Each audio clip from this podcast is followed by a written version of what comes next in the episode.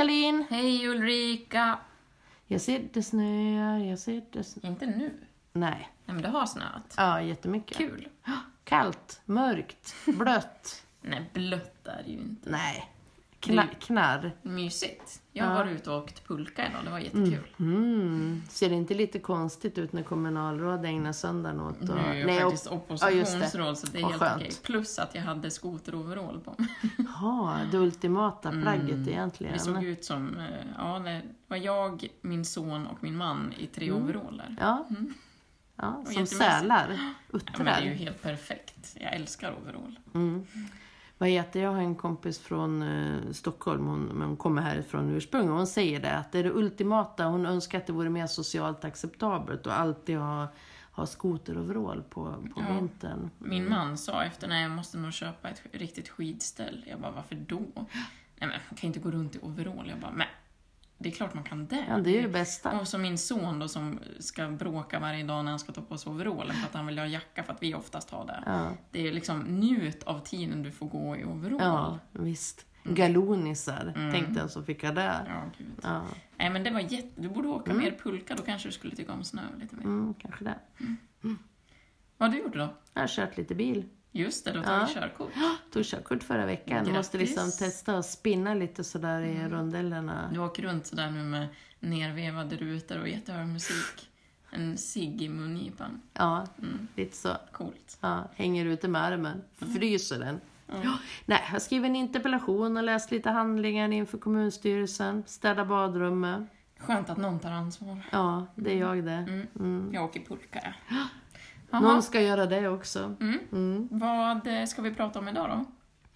Jag tänkte att det mest spännande som har hänt eh, politiskt, kanske det är väl att vi har varit på vänsterdagarna. Ja, för oss har ju det varit mest spännande. Ja, ja, ja, sen kanske det har hänt en massa annat. Vad är vänsterdagarna för någonting? Ja, det, man kan säga så här att vartannat år så har vi kongress. Då träffas en massa ombud som bestämmer saker om, om partiets politik.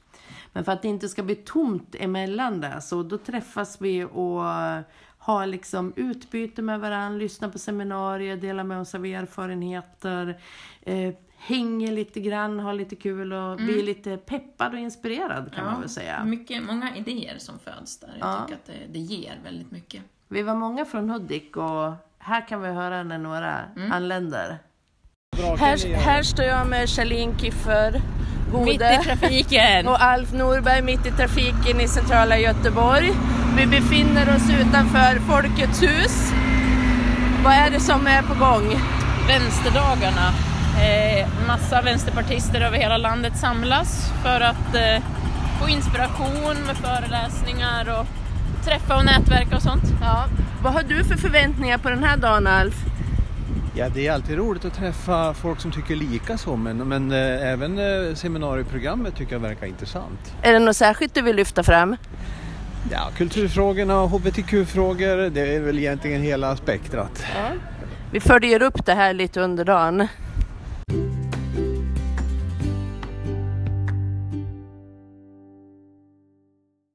Ja, Alf tyckte det skulle bli mest spännande med kultur och hbtq. Vilket var din bästa grej? Ja, man fick ju liksom boka de här seminarierna innan och det jag hade sett mest fram emot, vilket också var det liksom toppen, det Ja. var min första och det var en föreläsning av eh, Nina Björk. Vet du vem det är? Ja, feministikon under rosa täcket. Mm. Ja. Hennes senaste bok tyckte jag var väldigt bra om Rosa Luxemburg. Eh, så att jag var väldigt peppad. Och det var väldigt bra. Hon pratade om mänsklig biologi och kapitalistisk ekonomi. Och hur det inte går ihop. Mm. Berätta mer. Ja, eh, det är ju liksom, varje människa har ju grundläggande behov. Mm. Och det, vi skiljer oss inte så mycket där. Eh, varje människa behöver till exempel äta. Mm. Det spelar ingen roll hur mycket du, pengar du har, eller vart du bor, eh, hur du ser ut. Utan om du inte äter så dör du. Mm. Eh, och att eh, de här behoven är inte det som styr. För att i, i världen så har vi tillräckligt mycket produktion av livsmedel för att hela världens människor skulle kunna ha mat. Men ändå så har vi jättemånga människor som svälter ihjäl 25 000 om dagen, dör i svält. Ja, det är helt absurt. Ett land som Indien som eh, exporterar jättemycket ton livsmedel varje år har en befolkning där 250 000 är undernärda. Mm. Vilket då resulterar, eller man kan dra den slutsatsen att vår civilisation inte kan hantera det här. Trots att vi har möjlighet att ge alla mat Mm. så har vi ett system som inte gör det möjligt. För att det som styr är pengar. Mm. Det är ständig tillväxt eh, som man strävar efter. Eh, vilket betyder att vissa har och vissa har inte på bekostnad av andra. Det är de kropparna som har pengar som har mat. Mm. Och det, alltså, man riktar produktionen åt där pengarna finns. Mm. Eh, och då är det ju inte behoven som styr, utan det är pengarna som styr. Och hur, hur fel det är. Alltså i en värld där barn får jättemycket julklappar till exempel. Mm. I en del av världen och i en annan del så får man inte ens mat Mm.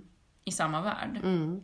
Och för mig liksom slår det an till något grund, en grundläggande frustration och varför jag har engagerat mig politiskt. Att jag tycker att det är så himla fel Mm. och hemskt. Mm. Alltså det är, vi måste göra någonting och hon pratar ju då mycket om klimatförändringar, om, om att vi alltid har ju sagt att det här är fel men just nu så har vi ju inte råd att spela med, alltså vi måste göra någonting, vi måste ställa om. Läste precis att i budgeten för nästa år så lägger staten 12,5 miljarder på ja, klimatåtgärder. Medan man beräknar julklappsförsäljningen i år till 80 miljarder.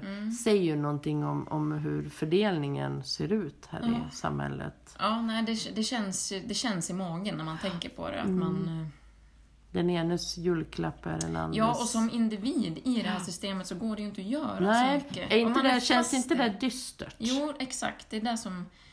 Vi kan inte, man kan inte göra någonting på individnivå. För de strukturer vi har i samhället bygger på att det ska vara så här. Mm. Vi kan, alltså, det spelar ingen roll vad vi gör, utan vi måste ställa om hela systemet. Och det hon pratade då om är ju, ofta när vänsterpartister eller vänsterrörelsen pratar om ekonomiska system och att vi vill ha ett annat, så blir man ju kallad för extremist. Mm. Men när man tänker på vad det innebär, att vissa människor svälter ihjäl på grund av det här, så är det ju svårt att inte ty- alltså, att tycka att det är okej. Eller hur? Ja, det kan jag säga. Det var en grundläggande förutsättning för när jag valde parti, när jag skulle engagera mig politiskt. Det var faktiskt att jag tyckte att Vänsterpartiet var det enda parti som i sitt partiprogram, nu höll jag inte med om allt, men, men hade tankar om att en annan värld är möjlig. Och jag tänker att det är ju faktiskt det som är politik. Det är politik som har skapat det här systemet och då betyder det faktiskt att vi kan ändra på det också. Ja. Men vad sa Nina, vad, vad måste vi göra, tyckte hon? Nej, alltså hon är, ju, hon är ju väldigt bra på att berätta vad som är fel. Lite som du. Lite som jag, men det är ju, det, man blir ju nedslagen lite Mm. grann när man ser att eh, det är svårt. Men hon tyckte då att Vänsterpartiet måste bli modigare och prata om de här Mm. sakerna och att visst, vi kanske förlorar på det, men vi har inte råd att inte göra Mm. det. Alltså att inte prata om det. Till exempel, Någon måste göra det. någon måste göra det. Vi måste liksom ta tillbaks det som säljs ut, vi måste få tillbaks den välfärden som Alltså vi måste minska klyftorna i samhället och vi måste liksom ta klimatförändringarna och det ska inte vara möjligt att hålla på som vi gör idag. Eh, och jag blev ändå inspirerad av det. Mm. För vi kan ju inte bara lägga oss ner och dö, vi måste ju ändå försöka.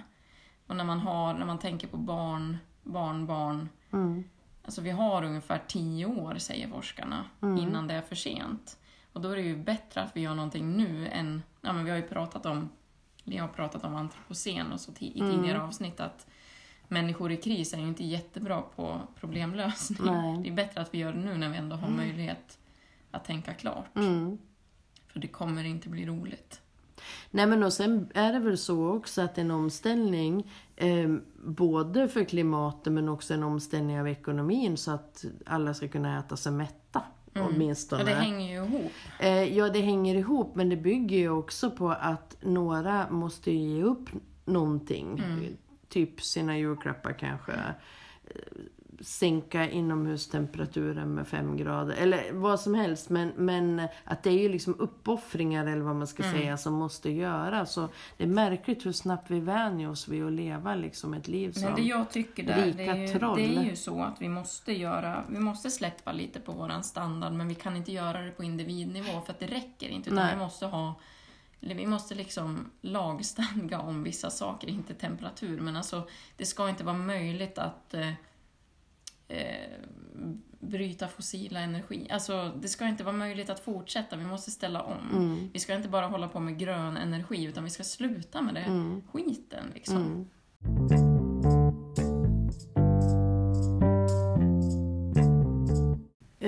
Ekonomisk orättvisa, eh, det drabbar ju ofta kvinnor. Mm. Eh, det har ju med maktfördelning och sådär att göra. Och jag vet att du hade ett sånt seminarium inbokat. Vill du berätta ja, om det? Jag var på ett seminarium, jag tror det hette Feminism och eh, ekonomi. Mm.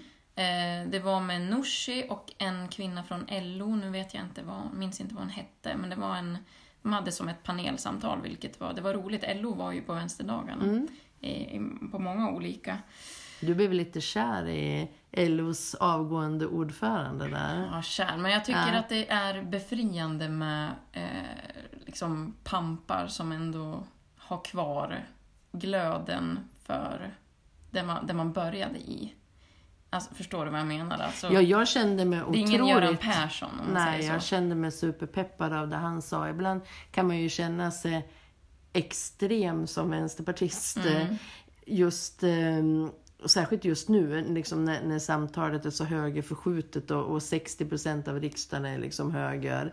Men då är det så, och man kan känna sig liksom lite ensam Mm. där på, på våran ände. Och då var det så skönt att höra LOs ordförande kliva upp liksom och bara rada upp grej efter Ja, grej och bara, jättebra. ja det är liksom, Ja, det var, ja, det var vi är många jättebra. som tycker så här. Men Skönt. den här kvinnan var också bra på det här seminariet jag var på. Mm. Och där var också Nooshi och vi, de pratade mycket om eh, den riktiga feministiska politiken som inte samtalet handlar om så mycket om idag. Alltså den skeva fördelningen av ekonomi. Mm. Eh, bland annat om pensioner. Mm.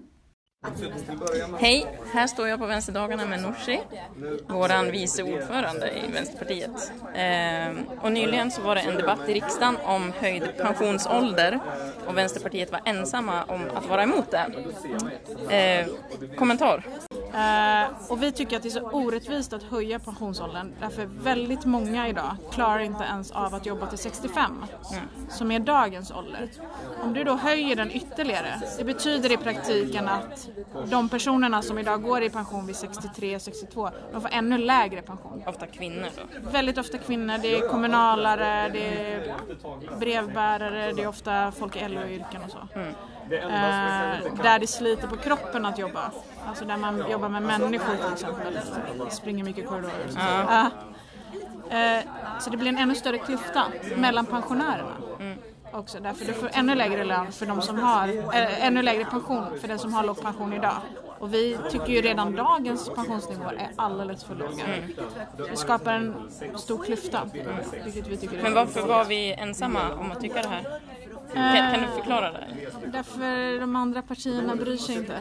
Vi har en väldigt stark högerförskjutning i liksom, de andra partierna.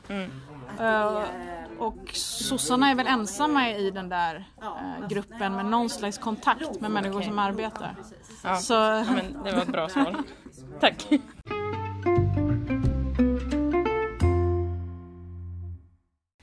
Ja, Ja, det där med pensioner och pensionsålder. Vi vill ju höja pensionen, inte pensionsåldern. det är ju en jätteviktig grej att säga. Jag tycker att det säger vi alldeles för lite faktiskt i Vänsterpartiet. Vi Ja. vill höja pensionen, inte pensionsålder. Jag såg nu när vi när jag kollar på Vänsterpartiets budgetmotion till riksdagen. Eh, vi vill ju höja pensionerna mer än vad Ja. eh, regeringen vill, föreslår. Ja. Men det här med pensionsålder, det är ju...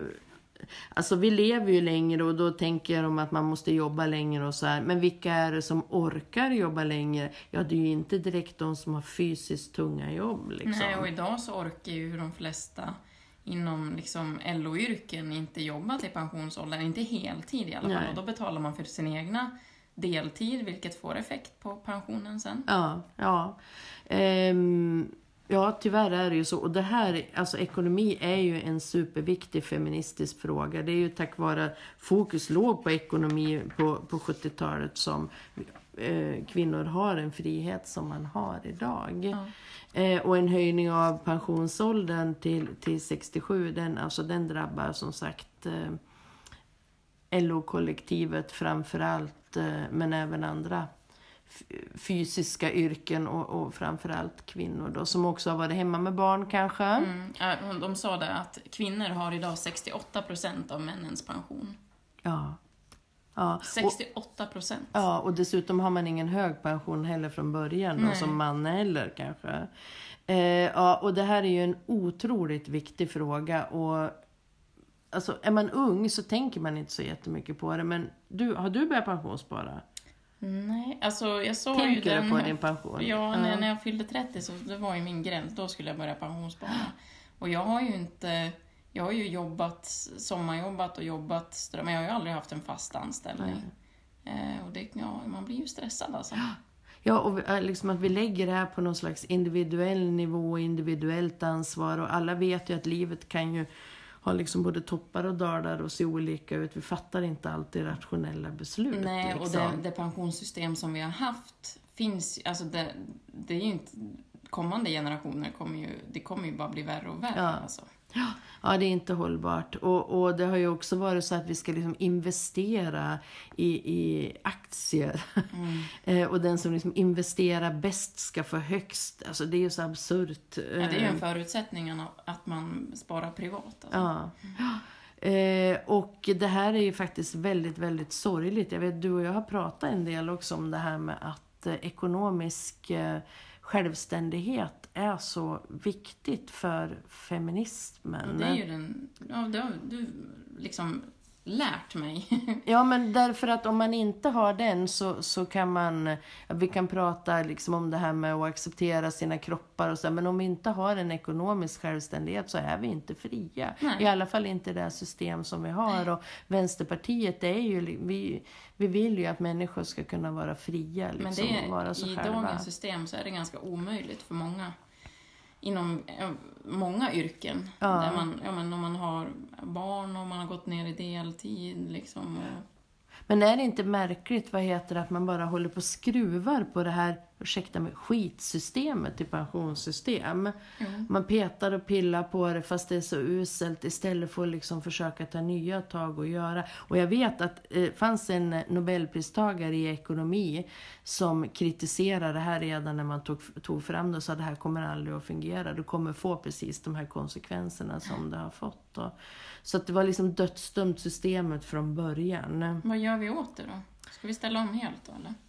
Ja, vi måste i alla fall eh, sätta oss ner tillsammans, alla partier, och, och, och se över det här, hur vi ska jobba med att säkerställa en, en, liksom en, en, en tillräcklig bas så att alla får en pension som de kan leva på. Det jag inte fattar när man ska höja pensionsåldern det är ju att idag så saknas det ju arbets arbetskraft. Liksom. Mm. Eller det är ju det är många, det är ju en dålig matchning kan man säga. Mm. Eh, och i och med digitalisering så försvinner det ganska mycket jobb. Mm. Alltså det blir ju en väldigt hård konkurrens om de jobb som finns. Mm.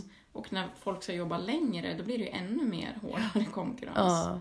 ja, och sen tänker jag också att man- skjuter ju liksom väldigt mycket problemen framför sig. Man ser ju nu på, på många arbetsplatser så går man ju liksom runt i många välfärdsyrken till exempel på att man har eh, pensionärer som kommer in och, jobbar liksom extra i sina gamla, sina gamla arbetsuppgifter. Då.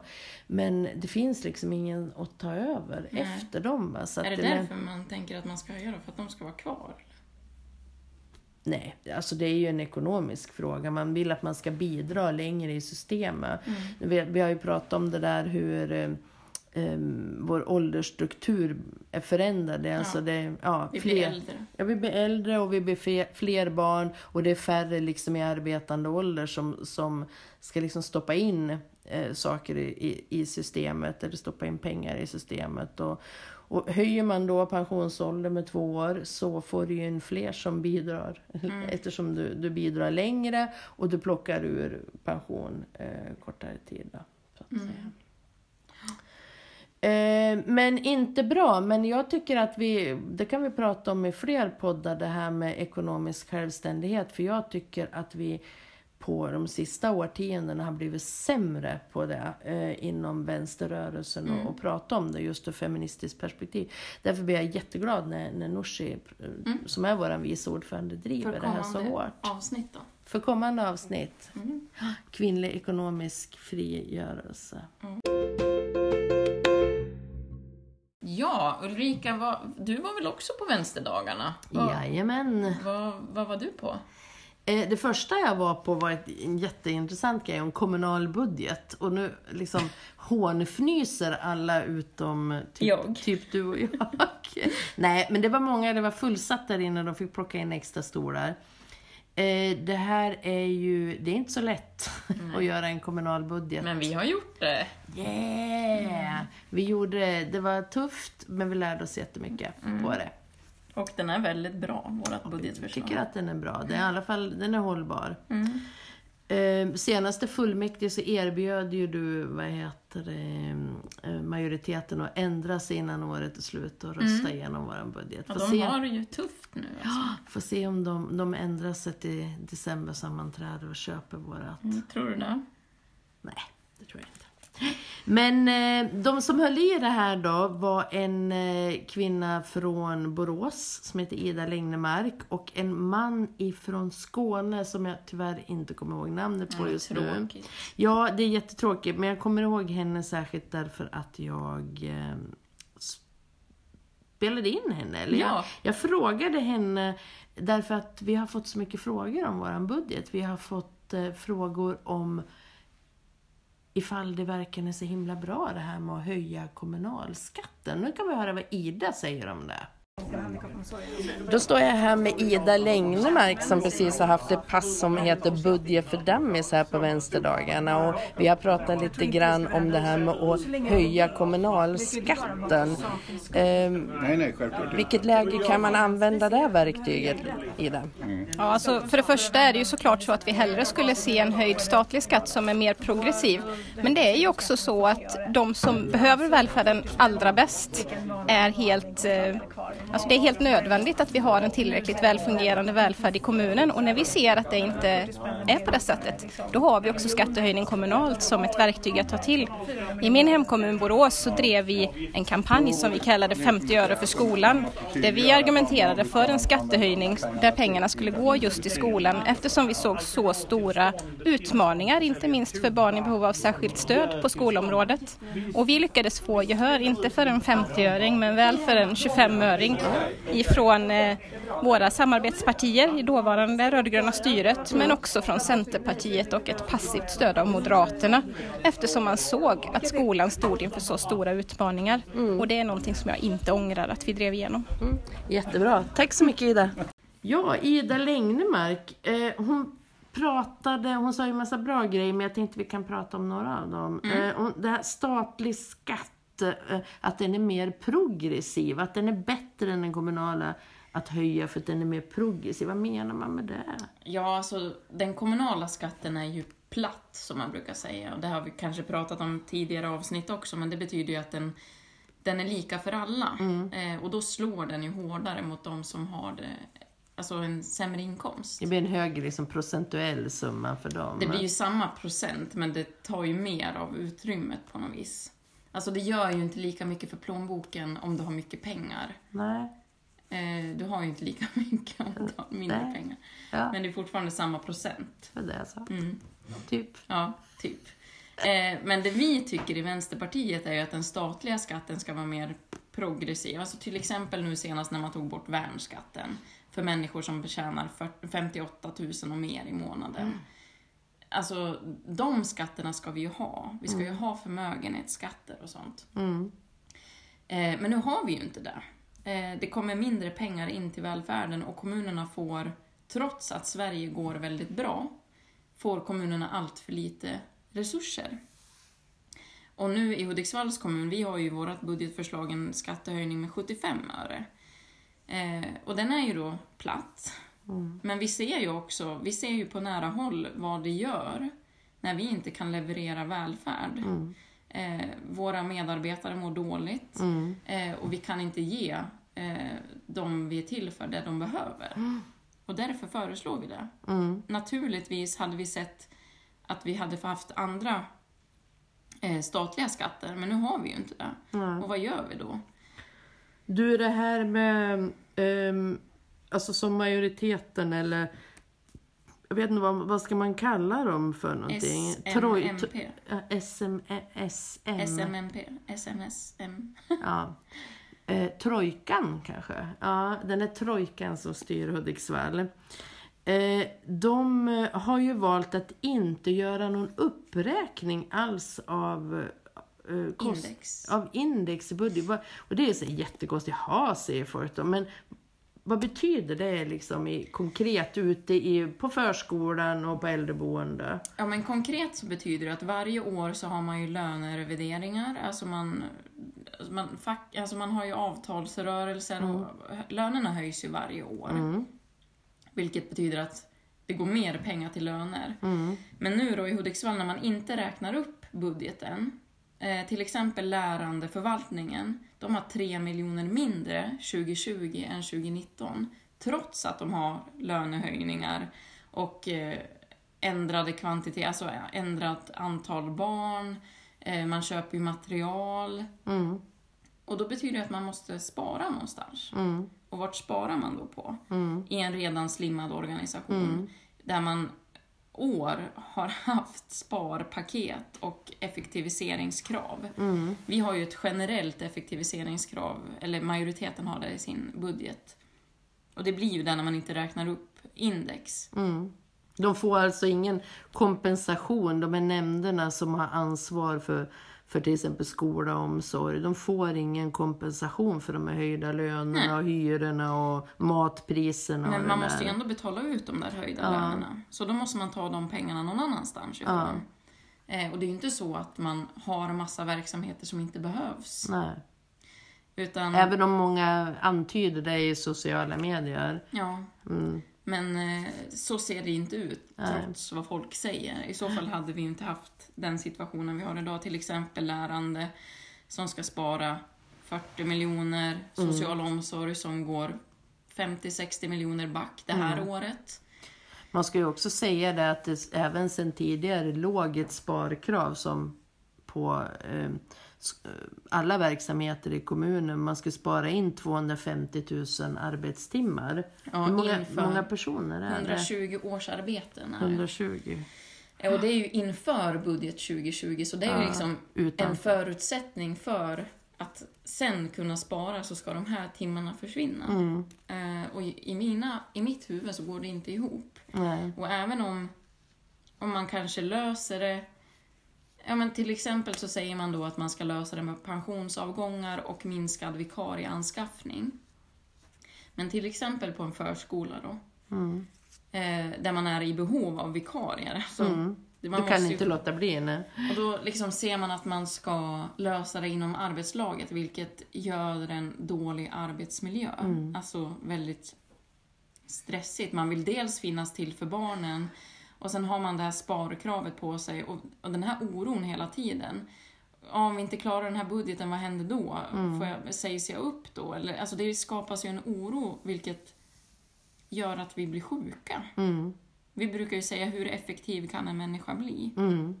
Vi har ju också som politiker så har vi inte bara ansvar för att få budgeten att gå ihop eller för att få pengarna att räcka till utan vi har också arbetsgivaransvar. Vi är ju arbetsgivare. Och börjar folk bli sjuka, då har vi ett ekonomiskt problem. Mm.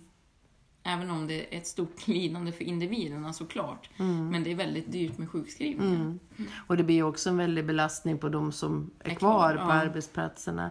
Tänk på det också med det här med vikarier. Det är ju för, förfärligt faktiskt. Och jag hör liksom att på arbetsplatser där, ja, där man vikarierar åt varann. Det är inte hälsosamt. Nej. Alltså, det... Och sen finns det också då inom skolan, inom grundskolan där man, inte, ja, men där man ska lösa det inom arbetslag och det går ju inte alla gånger och då står eleverna där utan lektioner. mm. Man kan inte vara på två Nej, platser samtidigt. och det är ju inte okej. Nej.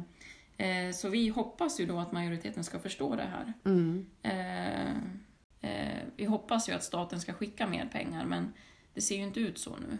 Jag tänker på en sån sak som pratas mycket om i skolvärlden där jag jobbar, pratas det jättemycket om digitalisering och hur det ska effektivisera. Och det tror jag till viss del, vissa saker och rutiner eh, kan det göra, göras med. Men min erfarenhet av när man har digitaliserat är att det kostar ju också initialt Ja, att dra absolut. igång det. Och de pengarna finns ju Nej. inte och den tiden finns Nej. inte idag. Så att jag tror att man eh, man skjuter problemen väldigt framför sig Mm. hela tiden och, och hoppas att det går i år. Och det ska vi också säga att det här är ju ingenting som har kommit plötsligt i Hudiksvall utan att eh, social och omsorgsnämnden den har gått back med tiotals miljoner i rätt många år Fem nu. år, ja. I fem, minst fem år. Och eh, det har man klarat tack vare att kommunen en gång i tiden sålde sitt energibolag och investerade de pengarna på aktiemarknaden, precis som vi pensionssparare. Eh, och det där har liksom genererat pengar, avkastning då, eh, och det där har klarat ekonomin. Nu är det inte lika bra på börsen och, och då blir det på det här viset, bland annat. Det är, det, är, det är en stor oro faktiskt. Ja, Ja. Det, när man, vi har ju möten när vi träffar de olika nämndsföreträdarna för oss och i varje nämnd och förvaltning så är det förslag på höjda avgifter, på taxer, ta, borttagande av olika saker.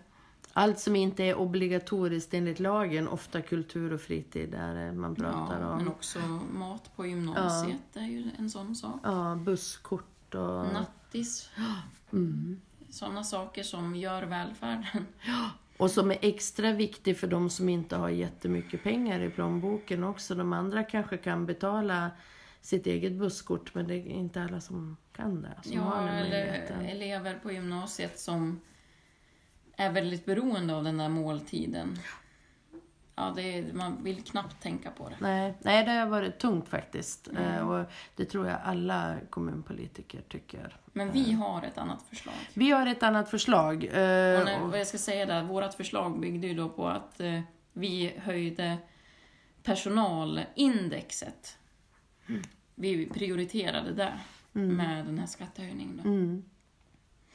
Vi tycker också att man skulle kunna titta lite mer på, på lokalkostnader och så. Och vi tycker också, eh, vad vi hade i vår budget som var väldigt viktigt för oss, det är att vi vill eh, fokusera och skärpa liksom till arbetsmarknadsenheten. Vi vill att man ska jobba mycket tajtare och vassare med, med utbildning och kompetenshöjning, matchning med, med de personer som faktiskt är arbetslösa eller ja, behöver komma in. För att det tjänar både individerna och företag, eh, företagen på. Och kommunen. Och kommunen då är naturligtvis i slutändan. Så, så vi, har, vi har idéer, vi har tankar om vägen framåt. Vi bara önskar att vi hade samarbetspartners som kunde lyssna på oss. Ja.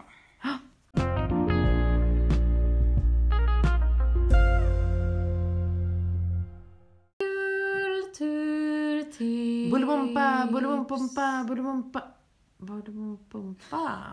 Kulturkvarten, Tipset. tipset. Men eh, Vi vi blir kan... aldrig riktigt överens om det där. Nej, inte riktigt. Men jag tänkte att vi kan väl liksom vända det dystra, så det är väldigt dystert nu. Men, men eh, det är nog det här mörkret ute och sådär. Vi får återkomma efter jul med lite ljusare eh, syn på livet. Kan man säga så? Ja. Mm, lite peppigare. När majoriteten har tagit våran Ja, skattehöjning. precis. Men, men vi, vi, vi har koll. Ni kan lita på oss. Jajamän. Men du, eh, det här med kultur då, det får jag en att bli på lite bra humör. På tisdag. Då ska vi på kultur. Då ska vi på kultur. Vad ska vi göra då? Vi ska kolla på hår. Hår! Hair! Nej, vad heter det? Hairy tales. Harry Tales. Istället för fairy tales. Det är en ordlek. Mm, Vi ska fira att du har tagit körkort. mm, det ska vi. Det är en eh, danspunk-cirkusföreställning om kroppsbehåring. Mm. Det låter väl så här, ungefär li, lite som mäns konst. Men Ja. vi tror att det är väldigt charmigt och roligt. Det ingår i en dans eh, och, och mm, cirkusvecka som, som eh, kommunen ordnar. här. Cirkus utan djur. såklart. Ja, såklart. Men du, har du varit något kulturell eller? Ja, jag har ett tips. Eh, det har kommit en ny serie på SVT Play som heter Filip och Mona. Har du sett den? Nej. Nej. Det, han, det är av William Spets, den här unga komikern, eh, Anna Granat och eh, Jens Österberg som regisserat. Eh, jag tror det är William och Annas idé från början och William och Anna spelar huvudrollerna. Det handlar om Mona som är utbränd, jobbat som gynekolog och arbetstränar nu på eh, ICA eller någon matbutik. Ja. Och William är eh, 20 någonting och jobbar där och blir hennes handledare. Eh, De är ju på väldigt olika platser i livet men de liksom hittar varandra. Och den är väldigt... Är de eh, ett par? Nej, nej. Nej, nej. Hon är nyseparerad, eh, bor varannan vecka i lånelägenheten i källaren och barnen bor kvar i lägenheten uppe. Hon tar med sig en blomma ner varje vecka. Anna Granat, är det hon som var med i... mm, eh, ja. Mm. Nu kommer jag inte på det. Jag, alltså jag känner igen henne men jag minns inte om jag har sett henne i någonting Nej, annat. jag tänker med Henrik Dorsin och de här, eller? Nej, nej, jag tror inte det. Nej, nej. Nej, men hon, väl. hon, de är ju väldigt skickliga båda två Ja. och manuset tycker Är jag... det roligt? Det är roligt. Jag tror Ja. William har skrivit manuset. Ja. Eh, men det är liksom lite tragikomik kanske. Ja. Det är ju min typ av humor. Ja. Lite som livet är. Ja, men de tar Mm. upp... Eh, alltså, det är ju alltså, tufft. Mm. Livet är tufft. Och, men det, den är väldigt rolig och det är åt- åtta avsnitt och ligger på SVT Play. Det är ju viktigt när livet är tufft att man faktiskt kan skratta åt sig själv. Ja, Det är ju när man inte men det händer åt sig såna själv, det är så jobbiga dystert. saker och det blir så himla liksom... Åh, fy fan. Crazy. Ja. Ja. För Filip och Mona? Ja, Eller för, Fi- dig? Nej, för. Filip och Mona. Ja. Nej, men den är väldigt bra. Sevärd. Mm. Mm. Vad, vad du? Har du något tips? Ja, jag har faktiskt jag har läst en bok. Mm. Ehm, Av din favoritförfattare? ja, faktiskt av min eh, stora favoritförfattare Margaret Atwood. Jag hoppas verkligen att jag inte har tagit upp den här boken i någon annan podd, men jag tror inte jag har gjort det. Eh, det är Har fortsättning... du en annan podd? Nej, jag menar... Som sm- Fan! Nej, nej. Med min andra kompis. Med min andra, min låtsaskompis. Eh, nej då, vad heter det? Men annars så förtjänas det att säga en gång till. Eh, Margaret Atwood, uppföljningen på eh, En tjänarinnas berättelse eller eh, A Handmaid's Tale. Vi har ju pratat om Handmaid's Tale-serien ja. och boken, tror jag. Men eh, nu har det kommit en bokuppföljare. ja, efter 30 år. Oj, det är mitt liv. Ja. Oh my god. Jag läste, vad heter det, En tjänarinnas berättelse när den kom, när du föddes då ungefär. Jag var ett år. Ja, när du var ett år läste jag den och den var faktiskt, den, inte kan jag säga att den har påverkat mig, men den har hängt med mig, liksom den här eh, alternativa världsbilden i mitt liv. Eh, och nu har det liksom kommit en slags eh, Tänk ändå att vi är där. Att de här grejerna som tar upp dystopierna. i den boken ändå... Det finns krafter i, i Sverige bland annat som vill att det ska vara så. Ja, men, eller framsidan på DN idag om Ung, eller en stor artikel i DN idag om Ungern. Eh, där man eh, skänker, vad heter det, jättemycket. Man får en, om man föder fler än tre barn så får man en sjusitsig bil. Eh, och så får man ett, eh, om man föder minst tre barn så får man, eh, eh, om man lovar att föda tre barn så får man ett, ett lån på 345 000 kronor ungefär. Och när man har fått tredje ungen så vad heter det, efterskänks det lånet. Föder du fyra barn behöver du aldrig mer betala skatt om du är kvinna. Eh, och an, antagligen så är det för att de räknar med att man inte ska jobba så mycket utan man ska vara hemma och sköta om barn och barnbarn så man kommer ändå inte ha så mycket skatt. Eh, men, och det vore väl fine om det vore så liksom. Men det värsta är att man börjar förfölja vad heter kvinnor som väljer bort eller inte kan få barn. Kallar dem för samhällets fiender. Ehm, och ehm, Alltså vi är tillbaks flera Död. årtionden. århundraden. Ja.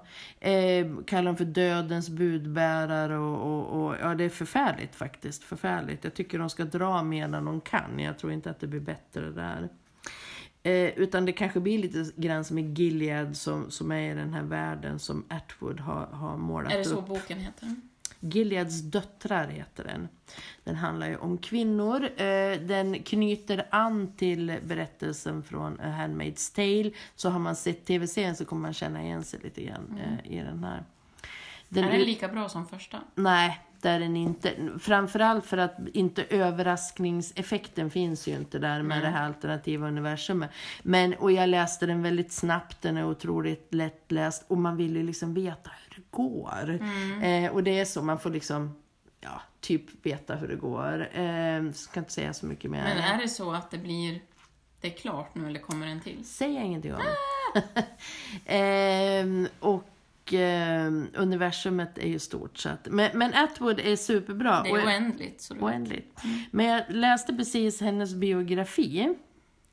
Eh, bibliografi. Alltså hennes bokproduktion, Atwoods. Och då såg jag hennes första bok, Den ätbara kvinnan, som jag också läste när jag var ung. Eh, inte när den kom ut, så var jag bara tre. Eh, men den kanske var någonting för dig, Lisa, du som är vegetarian. Okej. Det handlar om en kvinna som inte, hon slutar äta kött eh, och sen så slutar hon att äta allt och till slut kan hon inte äta sallad för den skriker åt henne. Jaha, du, det tänker du om mig då? Nej, jag bara tänkte, den, den var också så här med mig. Jag vet inte, hon, hon har en förmåga att skapa karaktärer som, som fastnar hos en. Jag vill inte säga, eh, jag tror att den handlar lite grann om, om kvinnor eh, och den här kvinnor och kvinnors kontroll över ätande. Och då kan man väl se det som en metafor för eh, det här med att eh, en kvinna på första dejten inte liksom beställer en blodig biff på 250 gram med pommes frites och bea liksom, utan man beställer en liten räksallad. Eh, för att det uppfattas inte som kvinnligt att glufsa i sig liksom. Den Är det så? Är det så? Ja, jag skulle inte köra, beställa något av det. Nej. Nej. nej. Men jag tror generellt så ska Nej, men det är nog så. Eh, Men den här Gileads döttrar, kan man läsa den om man inte har läst första? Ja, Okej. det tycker jag. Eh, Men man ska nog läsa första. Ja, ja det Den tycker jag. Men har man sett tv-serien så kan man ju göra... Men jag tycker att man kan läsa den första boken, En tjänarinnas berättelse, även om man har sett tv-serien, för den skiljer sig lite från, från tv-serien. Så att, Mm. Kul. Bra, det är mitt tips. Men då bollibompar vi oss eh, hemöver då och Mm. hoppar i säng. Det är arbetsdag imorgon. Det är det. Tjingeling! Tjingelong.